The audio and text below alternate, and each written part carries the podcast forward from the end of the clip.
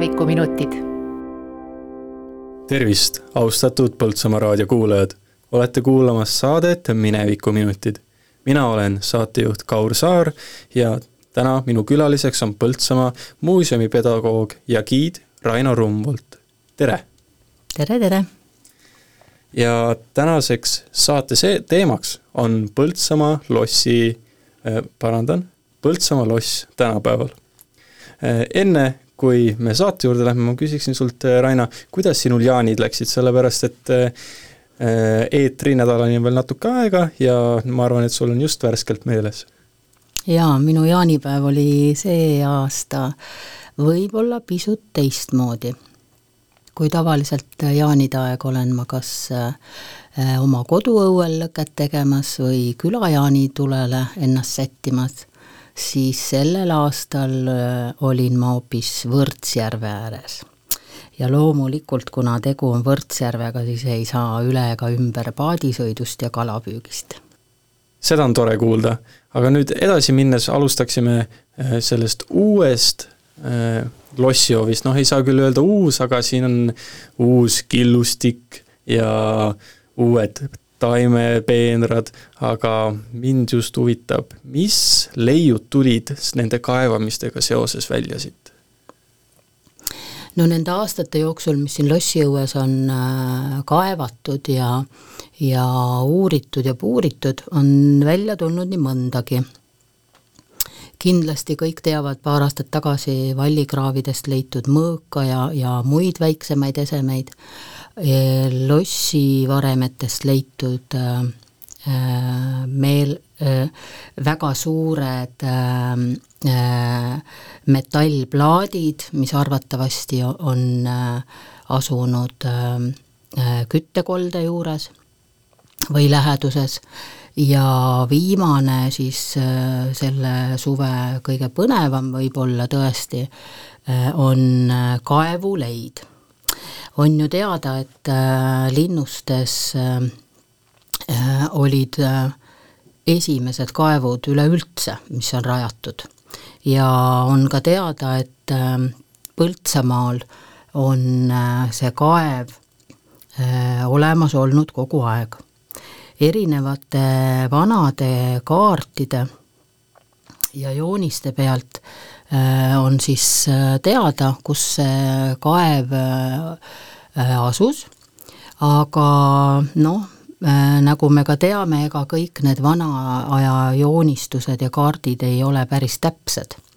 ja seetõttu, kui praegu võrrelda kaarte, mis äh, on meie kasutuses ja seda kaevu, mis siis leiti, ei ole ta päris täpselt samas kohas aga tore ikkagi, sest, äh, sest kaev on leitud, me küll kõik jah, teadsime, et ta siin kuskil äh, lossiõuel äh, peidus on, aga nüüd siis on kõigil seda võimalik käia vaatamas ja uudistamas. kas sellega on mingisugune edasine asi ka plaanis, et praegu ta on selline suurem auk, kas ta on, kas temaga on plaan veel täiesti kas siis restaureerida niimoodi, nagu ta varasemal ajal välja nägi või millised plaanid sellega on mm? -hmm et ähm, ma tean seda, et äh, seda kaevu kindlasti ähm, äh, tahetakse korda teha, aga enne, kui ta saab korda teha, on vaja teda uurida. ja selleks kindlasti me vajame äh, abilisi. ja ja loodame, et need äh, abilised äh, leitakse üsna pea, äh, kes siis hakkavad põhjalikumalt seda kaevu lahti võtma ja sinna sügavustesse uurima, puurima ja pärast seda siis tahame seda kaevu siis turvaliselt ja paremini eksponeerida kõigile huvilistele. Sa mainisid, et see praegune kaev, mis nüüd avastati, ei olnud päris selle koha peal, mis ta oli kaartide peal. kas on selline võimalus, et äh, oli üldse mitu kaevu äh, või on olnud lossis mitu kaevu? Äh, kui lugeda vanu äh, allikaid, siis tegelikult äh, võib sealt aru saada küll, et kaevu asukoht võib olla ka isegi muutunud. Aga jah, mina seda kahjuks päris kindlalt väita ei saa. peale kaevu ma kuulsin, et oli ka üks mõõgaleid. kas sa räägiksid sellest veel lähemalt mm? -hmm et jah, vallikraavide puhastamise käigus siis tuli välja väga eriline haruldane mõõk, mis siis leiti kiriku ja jõe vaheliselt alalt. Ja, ja esialgu küll äh, arvasid arheoloogid, et see pärineb äh, kolmeteistkümnendast ja neljateistkümnendast sajandist, aga hiljem nad ikkagi ähm, äh, muutsid selle ajastu pisut varajasemaks ja, ja praeguse seisuga siis äh, on ta meil eksponeeritud uues väravahoones ja tekstiga viieteistkümnendast, kuueteistkümnendast sajandist pärit. On ka teada, et Eestis on siis selliseid mõõkasid ainult kuus või seitse ja Põltsamaa oma on siis äh, nende äh, taoliste seas üks pikim kas see oli siis kõige vanim mõõk, mis on Põltsamaa lähedalt leitud? Äh, praeguse, praeguste andmete kohaselt küll, jah. ja mõõk on veel sellepärast tore või, või äh, eriline, et äh, ta on pooleteise käe mõõk, päris tõesti, päris pikk, päris raske ja sellel mõõgal on ka vahva meistrimärk kas oli veel mingisuguseid erilisemaid leide, mis sa tooksid nüüd välja just selle hiljutisema arenduse raames? no samal kaevamistel, kui oli mõõgaleid, tegelikult leiti veel huvitavaid asju. ja üks võib-olla, millest võiks või peaks ka rääkima, on piitsnuia otsik. et Äh, küll esialgu me nägime neid fotosid ja neid, äh, seda leidude nimekirja, aga mina isiklikult ei osanud küll panna siis äh, seda ei tähtsuse järjekorda ega muud moodi äh, eriti välja tuua, aga viimasel loengul, kui meil olid külas äh, kaks arheoloogi, siis sealt loengust sain ma teada, et see piitsnuia otsik, mis leiti Põltsamaalt, on Eestis ainulaadne. sellist teist ei ole äh, siiamaani veel leitud, kuigi ega ei oldud ka kindlad, et seda veel ei leita, aga siiamaani on olnud siis need äh, piitsnuia otsikud äh, rohkem leitud Ida-Virust, Narva lähistelt ja need siis on hoopis teise kujuga kui see, mis meil muuseumis asub. ja seda Piitsnui otsikut siis on võimalik kõigil näha, kui te tulete meie uude külastuskeskusesse ja liigute üleval käiguteedel, kuhu on siis paigutatud Põltsamaa leidude vitriinid seal on ka muud väga põnevat. nüüd uue teema juurde minnes, siis on kindlasti see väravahoone. mis on sellest teada varasemast ajaloost, mille jaoks seda väravahoonet üldse kasutati? siis eh, kuulajate jaoks eh, siis juttu käib siis sellest hoonest, kui te tulete lossi sisse, eh, siis Felixi poolsest väravast või Raino, oskad sa paremini seletada? jaa, äh, õigel teel oled mm. -hmm. et äh, tõesti Põltsamaa linnuses äh, või linnuse see pääsul, pääsuks on olnud aegade jooksul erinevaid käike, erinevaid väravaid ja, ja on üles loetletud isegi ligi kuus väravat. Äh, mõned küll ainult siis äh, jalgväravad ja mõned siis, äh, kus pääses sisse ka hobusõidukitega ja võib-olla praegu, tänapäeval on siis äh, teada ähm, äh, väravad, mis asuvad siis äh, loodes ehk loodevärav see on siis vana restoran konvendi poolt sissepääs ehk sealt vesivärava juurest teine värav, mis on äh, avatud äh, lossiõue tulekuks, on lõunaküljel asuv siis kiriku kõrval olev värav ja praegu siis ähm, tõesti kõige rohkem ja, ja kasutatav ja kust ka pääseb siis autodega sisse, on peavärava hoone alt, võlvi alt ligipääs ja on siis teada selle hoone kohta äh, seda, et äh, hoone on äh, mm, ümber ehitatud seitsmeteistkümnendal sajandil, eks ju on ka teada, et enne seda linnuse ehitamise või linnuse tegutsemise ajal on siin olnud päris huvitavaid ja põnevaid muid kõrvalhooneid ja, ja tõesti siis seitsmeteistkümnendal sajandil, kui hakati ümber ehitama konvendihoonet äh, lossiks, siis äh, perekond Wrangelite ajal äh, tuhande kuuesaja kahekümnendal aastal ehitati siis ka äh, väravahoone.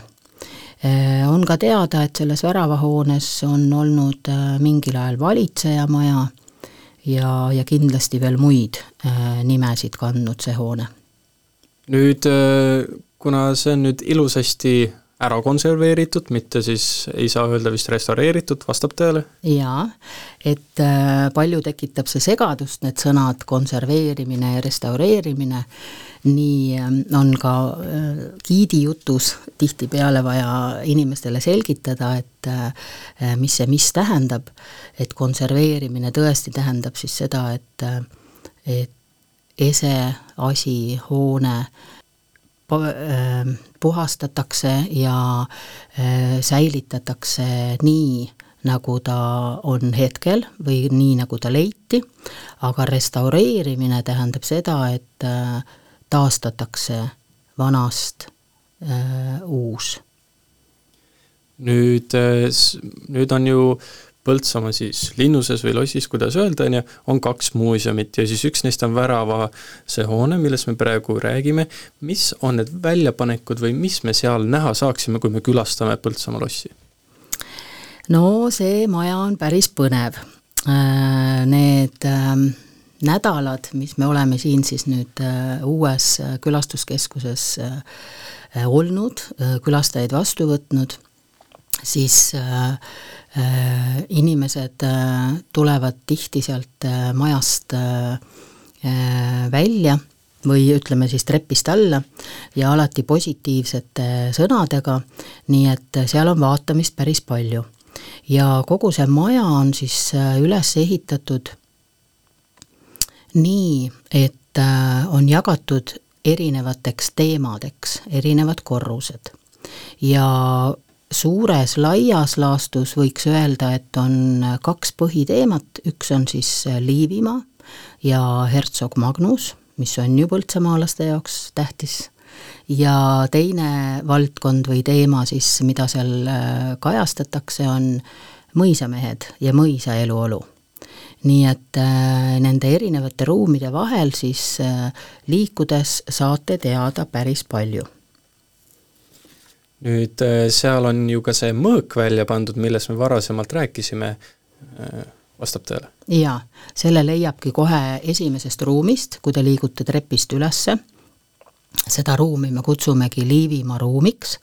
Ja selles ruumis on siis äh, tõesti välja pandud mõõk, selles äh, ruumis on äh, tore vestlus kuningas Magnuse ja Maria vahel, selles ruumis leiate Põltsamaa suudluse kas sina tead, mis asi on Põltsamaa suudlus? jaa, mina täitsa tean, kuna olen ka siin eh, nii-öelda muuseumis giidina vahepeal töötanud, siis eh, see on, kuidas selle õige nimetus oli, see on ki... kiriku nurgakonsooli kapiteel. õige. ja see on siis eh, kirikust, mis oli teisel pool jõge ja see vist põletati Liivi sõja ajal, kui ma õigesti mäletan.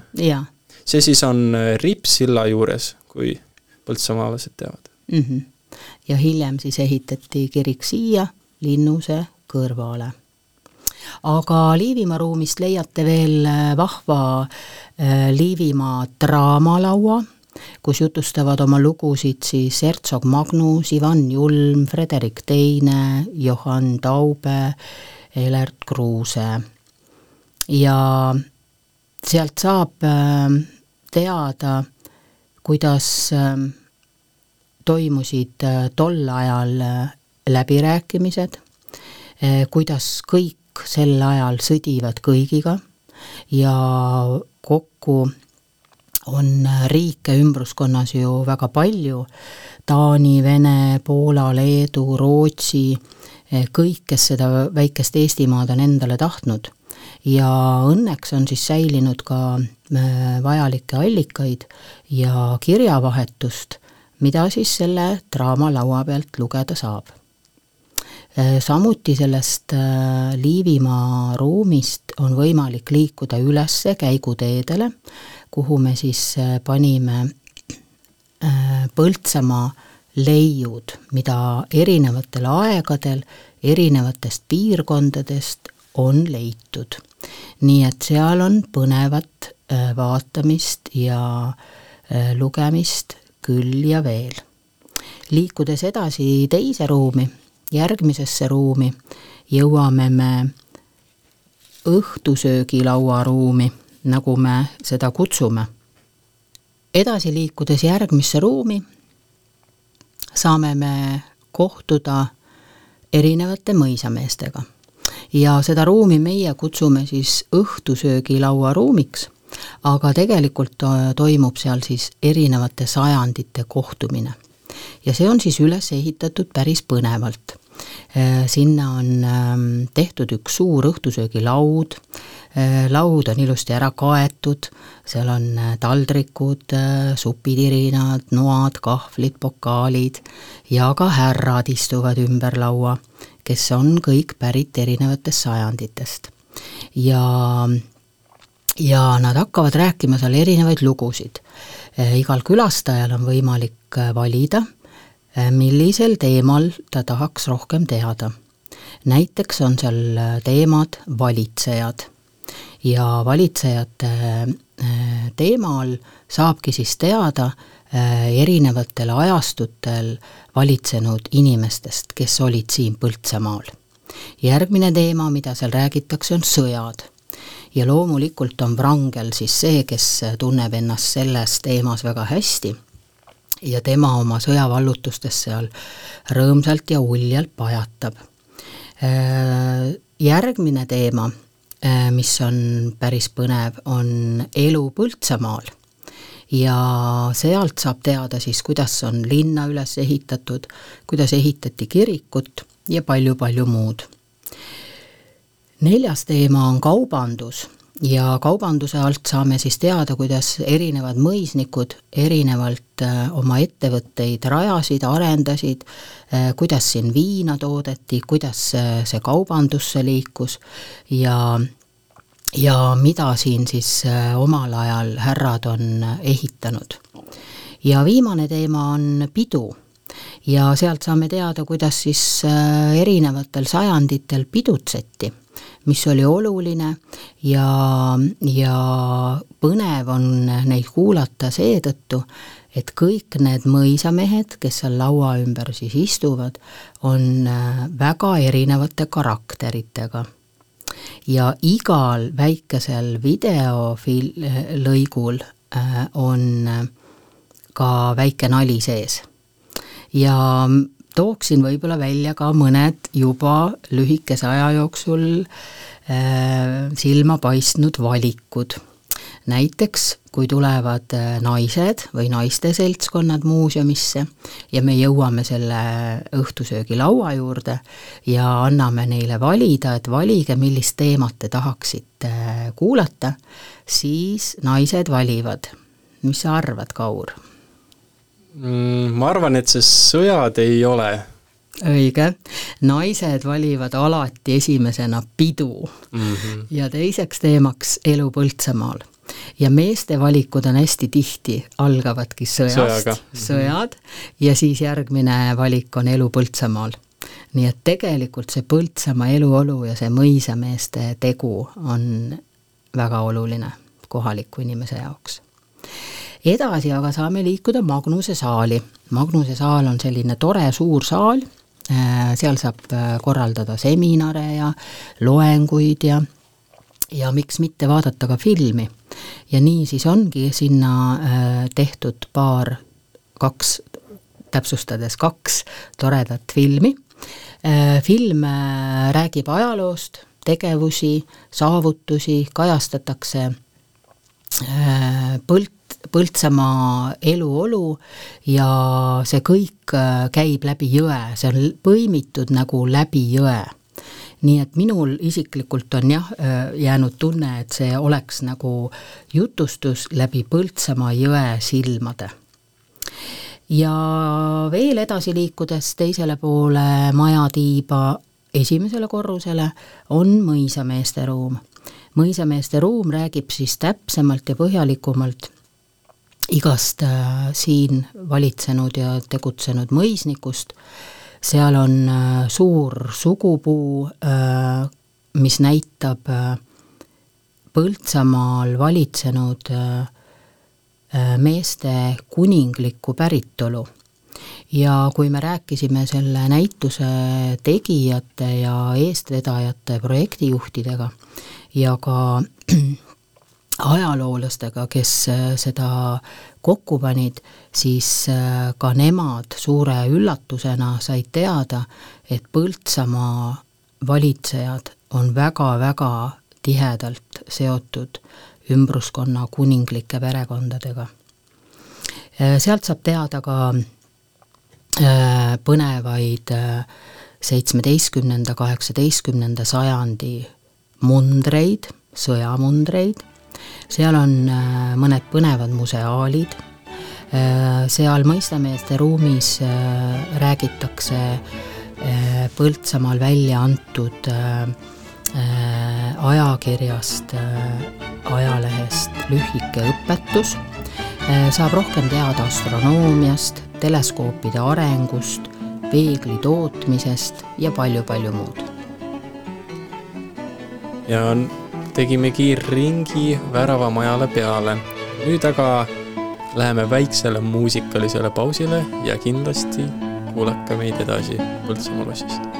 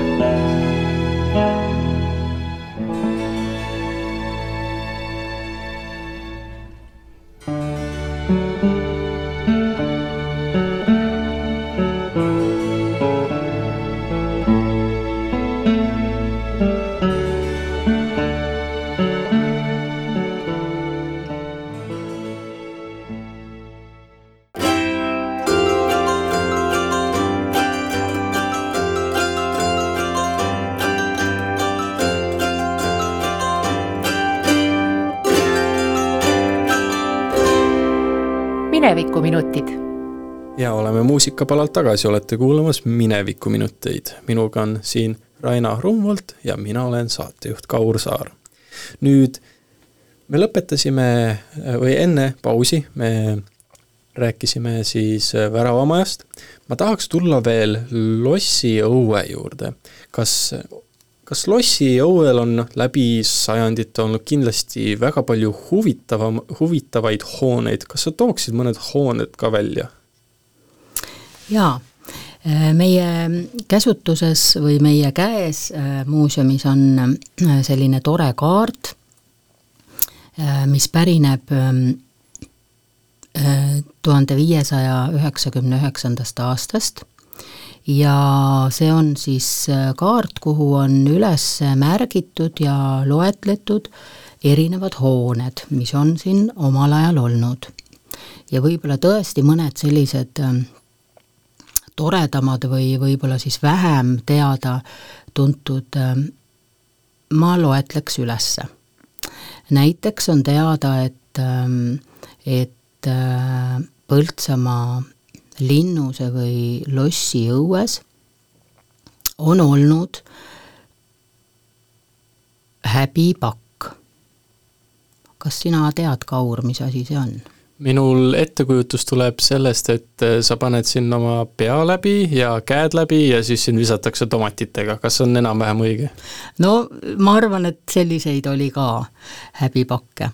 Nii et ähm, selline tõesti siis on asunud siin ja meie kaardil näitab siis see asukohta praegu täpselt lava ees siis on praegune lava ikkagi õigesti ehitatud, et äh, peaksime selle häbipaku tagasi tooma. jah, et kes lavale läheb, on nagu häbipakk jaa, aga veel võib-olla põnev, mida paljud ei tea, kindlasti paljud ka teavad, on näiteks olnud üsna linnuse õue keskel kaevu kõrval kalmistu. veel on olnud siin lossiõues vene kirik. siis on erinevaid väikseid see, majakesi. see vene kirik siis oli tõenäoliselt äh, ma eeldan siis selle vürst Bobrinski pärast, sest kui tema ema oli Katariina teine, siis arvatavasti ta oli ikkagi õigeusklik, eeldavasti. võib-olla äh, on teada veel, et siin on äh, olnud siis sellise nimega majad nagu Põhjamaja, siin on olnud väravatornid, siin on olnud hobusetall, vankrikuurid Äh, erinevad äh, vahitornid ja valveputkad, suveköök ja palju-palju muud. ja teame ka seda, et hobusetallide asemel ongi meie vana muuseumimaja. Ja siis veinikelder? jah. nüüd äh, kui me oleme seal lossiõuel, siis kindlasti kohe on märgata kõigile äh, külastajatele ühte suurt-suurt torni. nüüd edasi siis lähekski äh, lossi või konvendihoone juurde, kuidas keegi nimetab, võib-olla alustaksimegi sellest, et mis on kon-, mis on konvendihoone ja lossi vahe? Jaa äh,, inimesed kutsuvad seda hoonet erinevalt ja pea iga päev tekib ka küsimus külastajatelt, et mis majja või mis hoonesse ma siis ikkagi lähen või millises äh, Äh, hoones ma nüüd siis käisin, kas see oli ikka loss ja kus ma pääsen konvendihoonesse. ja ka vastupidi. Eks see tekitab väikest segadust äh, paljudele ja tegelikult ütleme me siis, et äh, jah, see ongi üks ja sama hoone, aga erinevatel aegadel kandnud siis erinevat nime tõesti, kui Saksa ordu siia Linnuse rajas, siis üsna pea, üsna varsti rajati siia Linnuse õue idanurka ka konvendihoone.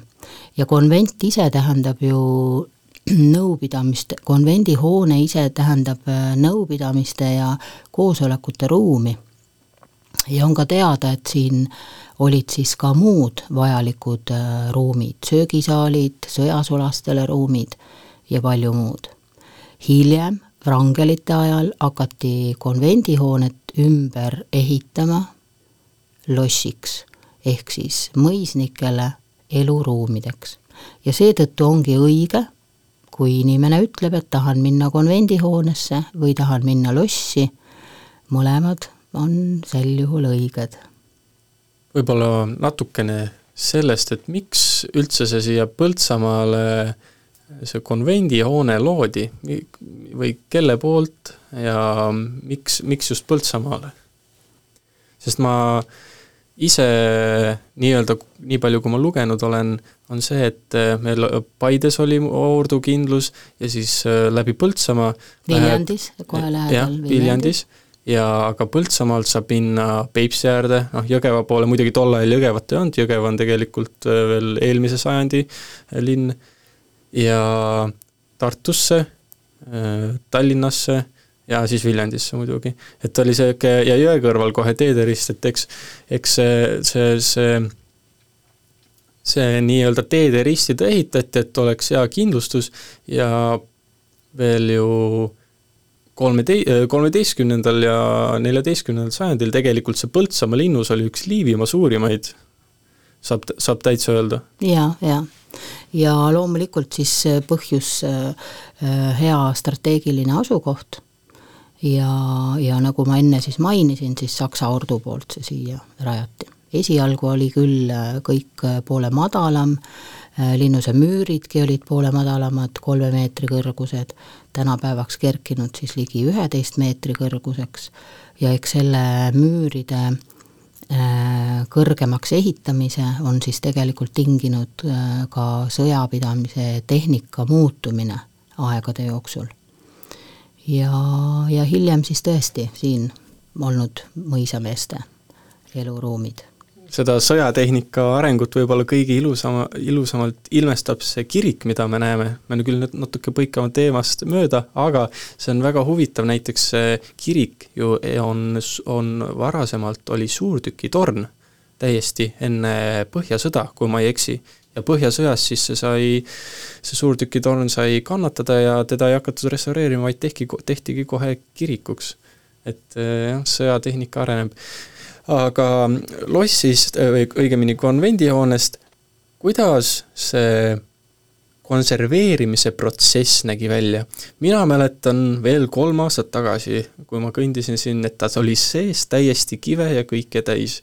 Kas sa räägiksid natukene, mis olukorrast oli ja kuidas see protsess välja nägi? kui äh, mina siia tööle tulin, juba võin öelda mõned aastad tagasi siis tegelikult vaikselt juba see töö käis. Ja nägin tihti sealt varemetest välja tulemas paari töömeest, kes siin ringi sibasid. Ja hiljem ka sain teada, et tõesti nad olid alustanud siis konvendihoone puhastamist, sealt selle sodi ja rämpsu väljatassimist ja ka erinevate kivide puhastamist ja ümberladustamist. ja just eesmärgiga neid eh, taaskasutada.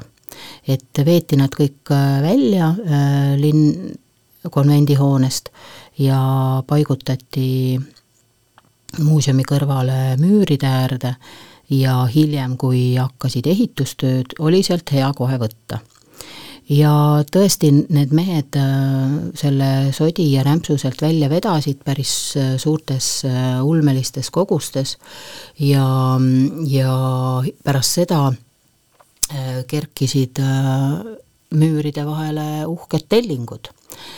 tellingud siis andsid võimaluse põhjalikumalt veel uurida ja vaadata nende müüride olukorda, seisukorda käia ringi, ka minul õnnestus seal käia, kuigi ega ma väga julgelt sinna ei läinud. kui, kui kõrgele, mitmenda korruseni see oli nii-öelda kive täis? Äh, sa mõtled see ladestunud, see sodi ja, ja prahk? Äh, esimese ja, ja mõnel juhul ka teise korruse akendeni. ja kas seal sai masinaga või põhimõtteliselt kõik oli käsitöö? Äh, alustasid mehed väikeste kärudega, ma tean, äh, piltidel ja fotodel on need kõik jäädvustatud ja hiljem siis äh, väikse traktoriga veeti siis sodi varemetest välja.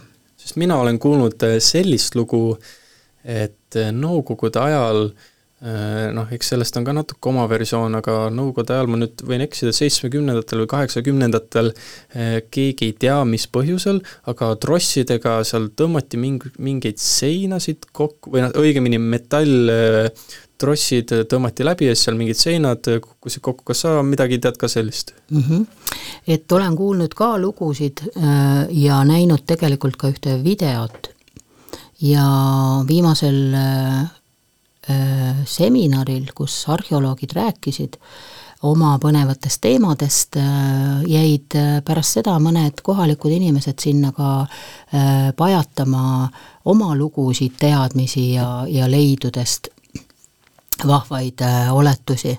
ja samuti meesterahvad võtsid sõna ja olid päris äh, Äh, päris pahased äh, selle ajastu peale, et miks nii tehti ja kuidas tõesti siis äh, suurte tugevate masinatega need uhked galerii käigud maha tõmmati. Tõesti, see video on olemas ja väga kurb on seda vaadata. kas siis põhimõtteliselt kõik kivid, mis me saame seal äh, nüüd lossis näha, on ikkagi ajastu truud või sinna pandi midagi ka nii-öelda tänapäevaseid kive või kõik need, mis on, noh, ilmselgelt need kivid erinevad, sest ju ehitamist alustati ju oi-oi, mitmeid sajandeid tagasi ju kogu aeg ehitati, ehitati, et kuidas jaa, eks ikka ju vahepeal on Põltsamaa ju maha põlenud ja maha põletatud ja, ja eks see on jätnud siia oma jälje ka siia varemetesse. Ja aegade jooksul on teda ka ju ümber ehitatud, erinevate ruumide paigutus kindlasti muutunud, aga käies praegu äh, varemetes ringi, on päris, päris põnev vaadata neid erinevaid kive, erinevat värvi kive, erinevalt äh, laotud kive ja need seinad kindlasti oskavad rääkida päris palju. Ma ise käisin ka seal tuuril ja ma panin tähele, et ega seal midagi puidust väga ei leia, et noh, ta põles neljakümne esimesel aastal maha ja, ja aga ühte asja ma märkasin, seal olid puidust raamid, kas need on sinna kuskilt mujalt pandud või need on tõesti üle elanud kõik need põlengud ja varisemised? jaa, tõesti seal äh, esimesel korrusel ringi liikudes, äh, vaadates kõrgusesse, äh, on näha mõned, äh, õigemini kaks äh, akent, aknaorva, äh, kus siis on alles puiduraamid.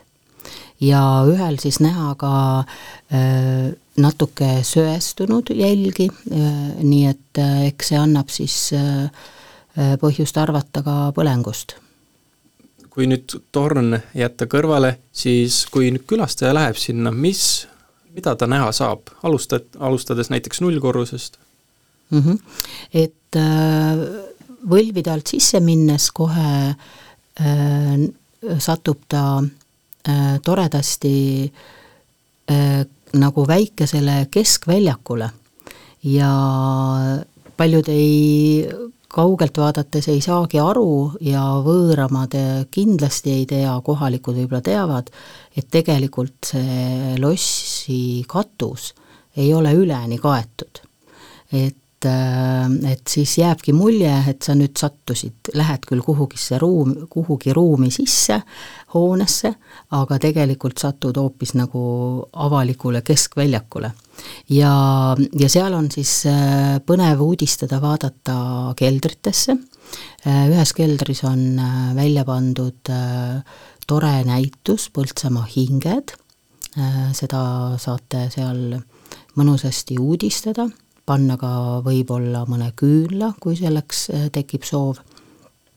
edasi on võimalik liikuda siis äh, äh, põhikorrusele, kus siis mõisa ajal olid vastuvõtu uhked saalid ja, ja, ja uudistada neid praegu alles jäänud müüre kui astuda sealt, mul endal lihtsalt tuli meelde see, et kui ma ise sinna sisse läksin, siis mina kogu aeg arvasin, et seal oli katus ja see on võib-olla lihtsalt selle ajaga, kõik on kokku kukkunud ja ja lihtsalt sellepärast on tehtud see nii-öelda see sisehoov, aga ma sain teada, et see ongi seal alati olnud, see tegelikult oli minule küll uus teadmine ja äh, minult on ka näiteks äh, inimesed äh, küsinud, et kas seal olid, äh, kas seal olid varem põrandad ja, või nii-öelda, et kas see, kas see oligi selline, et tihtipeale võib-olla sealt tundubki, et et oleks nagu need põrandad jooksnud, aga lihtsalt seal on olnud siis need, kuidas nimetada, mitte terrass, aga rõdud siis. jaa, nagu rõdud, rõdud või käigugaleriid mm. -hmm Äh, on ka neid nimetatud. ja nendes galeriides äh, sai, äh, mööda galeriid sai liikuda ümber või õigemini siis nagu siseõues, aga samas võisid sa ka sealt galeriist astuda kohe tuppa. nii et vanadel fotodel on kõik need ilusti näha Äh, kui tulete meie muuseumisse, siis äh, ka vanas muuseumimajas seintel jookseb vahva fotode galerii ja seal on väga huvitavaid äh, vaateid vanale lossile. tegelikult on väga nii-öelda e-, ebareaalne, vähemalt minul isiklikult mõnikord mõelda, et vaatan neid vanu fotosid ja mõtlen, et see oli kaheksakümmend aastat tagasi ja kõik oli äh, kõik oli veel ilus, kõik need lossi põrandad olid, seinad olid, maalid olid, äh, peeglid äh, ja ja noh, nat-, ainult kaheksakümmend aastat tegelikult tagasi, mis ei, mis ei ole nii palju, noh, minu vanaisa on näiteks kaheksakümneaastane mm. -hmm et äh, meil on käinud muuseumis äh, küll äh, vanemaid, eakamaid inimesi, kes äh, räägivad oma mälestusi. ja tõesti, nad kõik väidavad, et nad on siin käinud, nad on siin saalides ringi liikunud ja see oligi too aeg, kus siis äh, mõisnikud olid siit lahkunud ja ei olnud veel toimunud seda põlengut. ja ka need vanad fotod, kõik, mis meil on, tegelikult äh, annavadki ülevaate just sellest ajast. on küll jah, fotodel näha ka selliseid kulumismärke, äh, mis siis näitavad ähm, sisustuselementidel, ustel, piiretel äh, selliseid ähm, kulumisi, aga aga kogu see interjöör, need kaunistused, need stukid, äh, meeletud äh, peeglid, marmor, see kõik on seal fotodel alles. Väike nii-öelda fakt, mis ma tahan inimestele ka välja tuua, mina kui sõja, sõja aja, ajaloo fännina, et Põltsamaa siit lossist koordineeriti siis Aidu lahingut, Aidu lahing oli üks, üks, üks tähtsamatest lahingutest äh, Vabadussõjas, sest äh, siin pandi äh, rinne seisma ja pärast mindi vasturünnakule, et siit juhiti seda. Ja pärast siin asus ka kuni umbes kahekümne, kahekümne kuuenda aastani äh, Saksa, Sakala partisanide rood või kompanii siis. et lihtsalt selline fakt inimestele välja tuua, ma loodan, et seda ka kajastatakse millalgi siin kuskil näidistes. jaa, loomulikult. et ka see on oluline ajalooline osa kogu Põltsamaa ja selle lossiga seonduvalt. nüüd edasi minnes äh, hakkame trepist üles minema, jõuame torni, mis on selle nii-öelda ajalooline lugu? Äh, torni kohta tean mina nii palju, et äh, tornis on olnud äh, Aleksei Bobrinski ajal observatoorium ja kui tema siia tuli Põltsamaale, tõesti, nagu sa ennist mainisid, Katariina Teine oli tema ema ja selle äh, lossi talle ostis, siis äh, tema ajal ehitati lossitorni observatoorium ja mis tegelikult äh, oli varem valmis kui Tartu tähetorn, mis mina sain alles teada natuke aega tagasi. et Põltsamaal oli enne kui Tartus ja, ja tõesti, ta oli äh, väga uudishimulik, äh, tundis äh, huvi erinevate teaduste vastu ja seetõttu siis siia sellise väikese observatooriumi rajas ja on ka teada, et tal oli väga-väga suur raamatukogu ja ise väga tark mees selle fakti ma soovitan küll kõigil meelde jätta, et Põltsamaal oli enne observatoorium kui Tartus. see, mina jätan selle küll kindlasti meelde.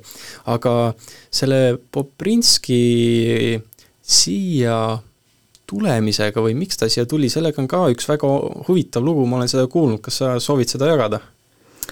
Äh, mida sa täpselt silmas pead? Äh, seda, miks Katariina teine Aha. Äh, siia ta saatis või ja. miks ta üldse sattus? jaa, on siis teada tõesti nende kirjavahetusest, et, ähm, et kuna Aleksei ei kasvanud peres, Aleksei on Katariina Teise ja Vürst Orlovi vallaslaps ja tol ajal lapsed, vallaslapsed ei kasvanud peres, saadeti teise perre. ja nii sattus tema siis ka mujale ja kasvades, õppides, arenedes, jõudes lõpuks Pariisi, elas ta päris pillavat elulaadi nautis äh, kaardimänge, äh, korraldas äh, erinevaid kihlvedusid ja loomulikult tõi see kaasa ka suure rahalise kahju. kui ema nendest kõigist teada sai, otsustas ta seda enam mitte tolereerida ja ostis Põltsamaa ja saatis Aleksei siia elama. nii ta siia meile sattuski ja seal tornis saategi näha äh, siis Põltsamaa ümberkaudseid alasid. aga nüüd me peame minema veel muusikalisele pausile ja oleme kohe varsti tagasi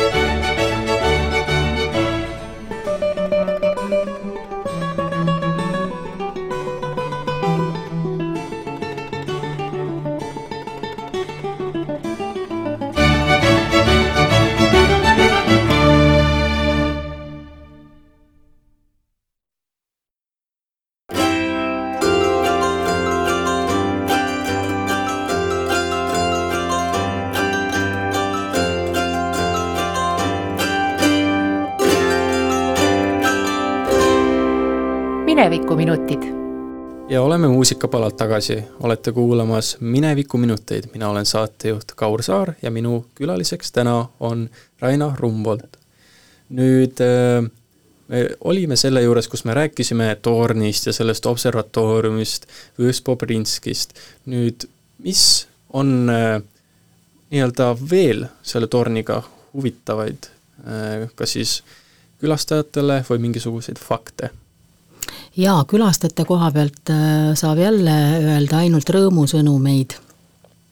kõik, kes tornist alla tulevad, on rõõmsad, positiivsed, ütlevad väga tore, kohalikud on õnnelikud, kui on leidnud oma kodu ülesse ja lubavad kindlasti tagasi tulla, sest äh, praegu on ju puud väga lehtes, roheline ja seetõttu siis ka nähtavus pisut halvem, kui see on ju talvel või varakevadel, kui puud veel lehtes ei ole.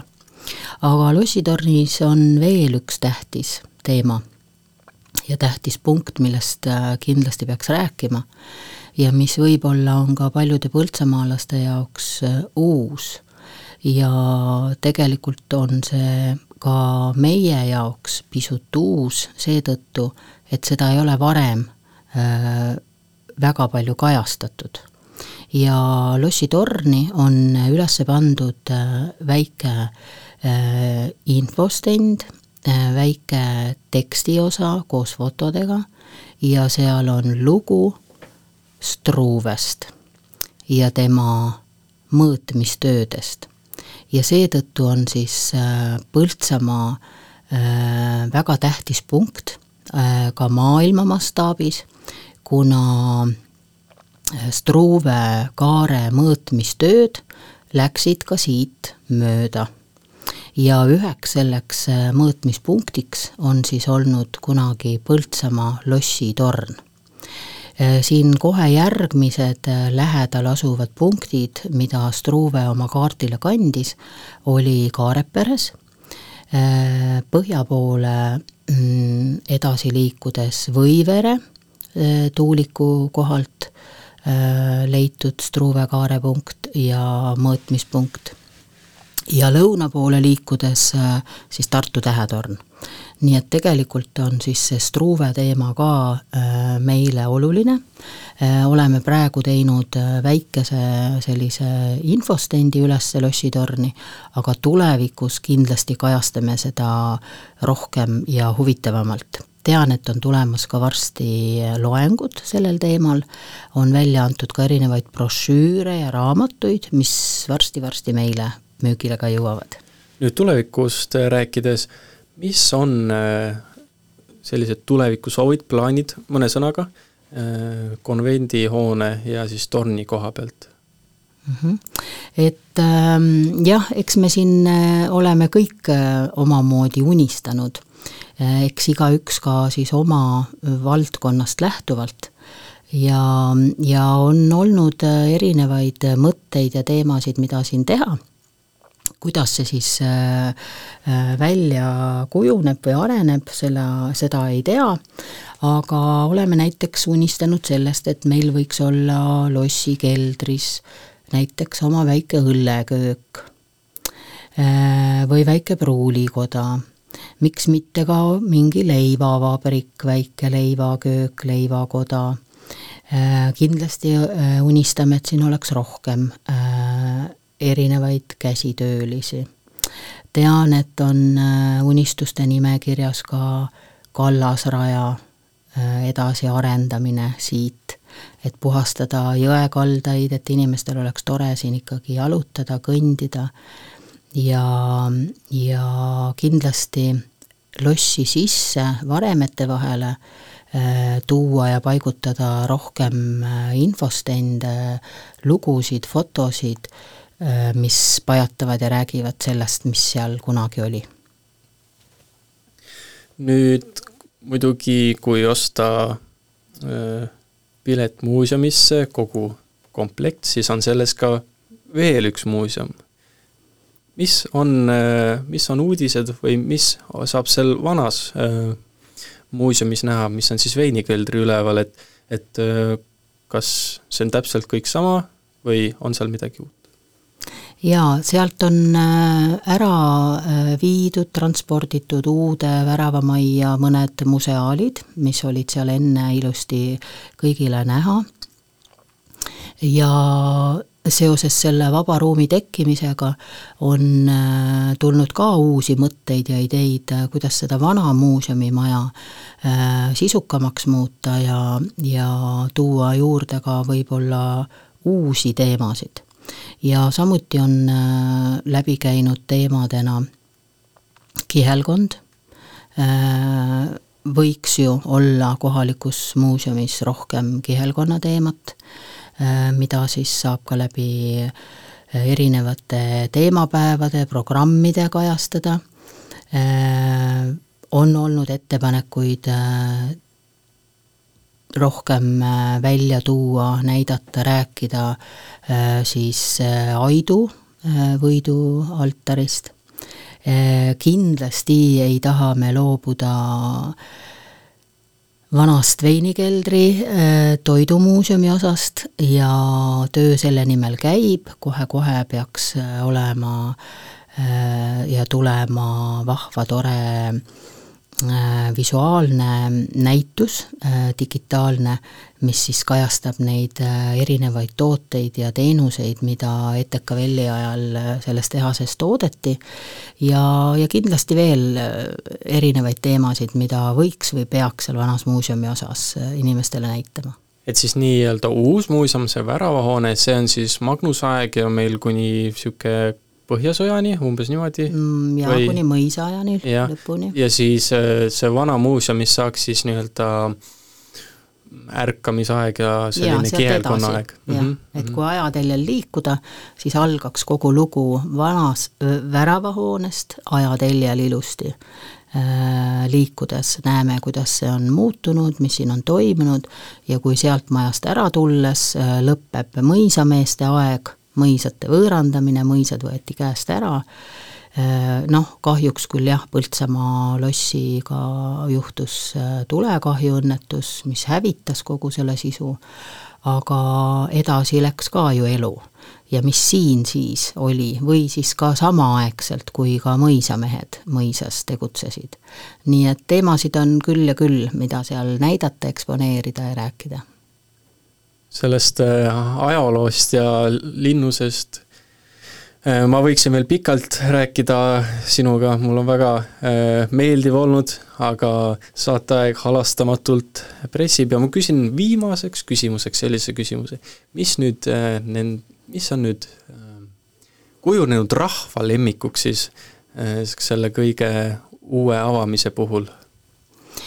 mina tooksin välja kaks põhilist, noh, ikka alati on nagu, et teil on tore, te olete nii palju tööd teinud, te olete nii palju pingutanud, äh, kõik on huvitav, põnev, jah, ausalt öeldes on ka mõned apsakad, mida me oleme avastanud ja mis on ka meie külastajad ütlenud, aga juba on need ka parandatud, muudetud, sest kes teeb, sellel juhtub aga äh, tihtipeale tuuakse välja vau-efekti ikkagi Lossitorni külastus ja Magnuse saalis jõe filmi vaatamine. see jätab väga sügava äh, mulje ja, ja tunded inimeste hinge. nüüd äh kindlasti soovitan kõigil põltsamaalastel siin käia, sest tegelikult siin on inimesi külastamas üle kogu Eesti. Äh, on Austraaliast, eile näiteks Austraaliast, Saksamaalt, Soomest ja ütleme nii, et ühe käe sõrmedel üsnagi saab äh, lugeda äh, neid linnuseid ja losse, mis meil siin Eestis on ja oma kodu kõrval on, kindlasti soovitan tulla ja külastada. nüüd eh, sellega me oma saate lõpetamine, kas sul on veel mõned eh, rõõmus või nii-öelda mingid sõnad kuulajatele või eh, oma lossi töökaaslastele, mis sa soovid näiteks edasi öelda? Ja meeskonnale soovin kindlasti palju jõudu ja jaksu ja vastupidavust, sest tempo on äh, jätkuvalt suur, äh, tööd on palju, aga ka rõõmu palju. nii et eks see on see, mis hoiab ja kõikidele põltsamaalastele teen väikese üleskutse kui muuseumi töötaja. ja küsimus on järgmine. Kas sina oled juba oma perest mõne eseme muuseumisse toonud? ja kui sa seda ei ole, siis äh, kindlasti tee seda, sest äh, tore on ju tulla muuseumisse või äh, tulla muuseumisse hiljem, kui oled vanemaks saanud ja näidata oma lastele või lastelastele, et näed, see on minu toodud ese ja see räägib seda, seda lugu. Nii et kõik kohalikud põltsamaalased, kutsun teid ülesse vaatama kodudes ringi, äh, võib-olla on teil mõni tore ese või asi, mis äh, võiks hoopis rääkida lugu meie muuseumis, nii et ootame. aitäh sulle, Raina! ja sellega mineviku minutid tänaseks lõpetavad. mina olin saatejuht Kaur ja minuga oli siin Raina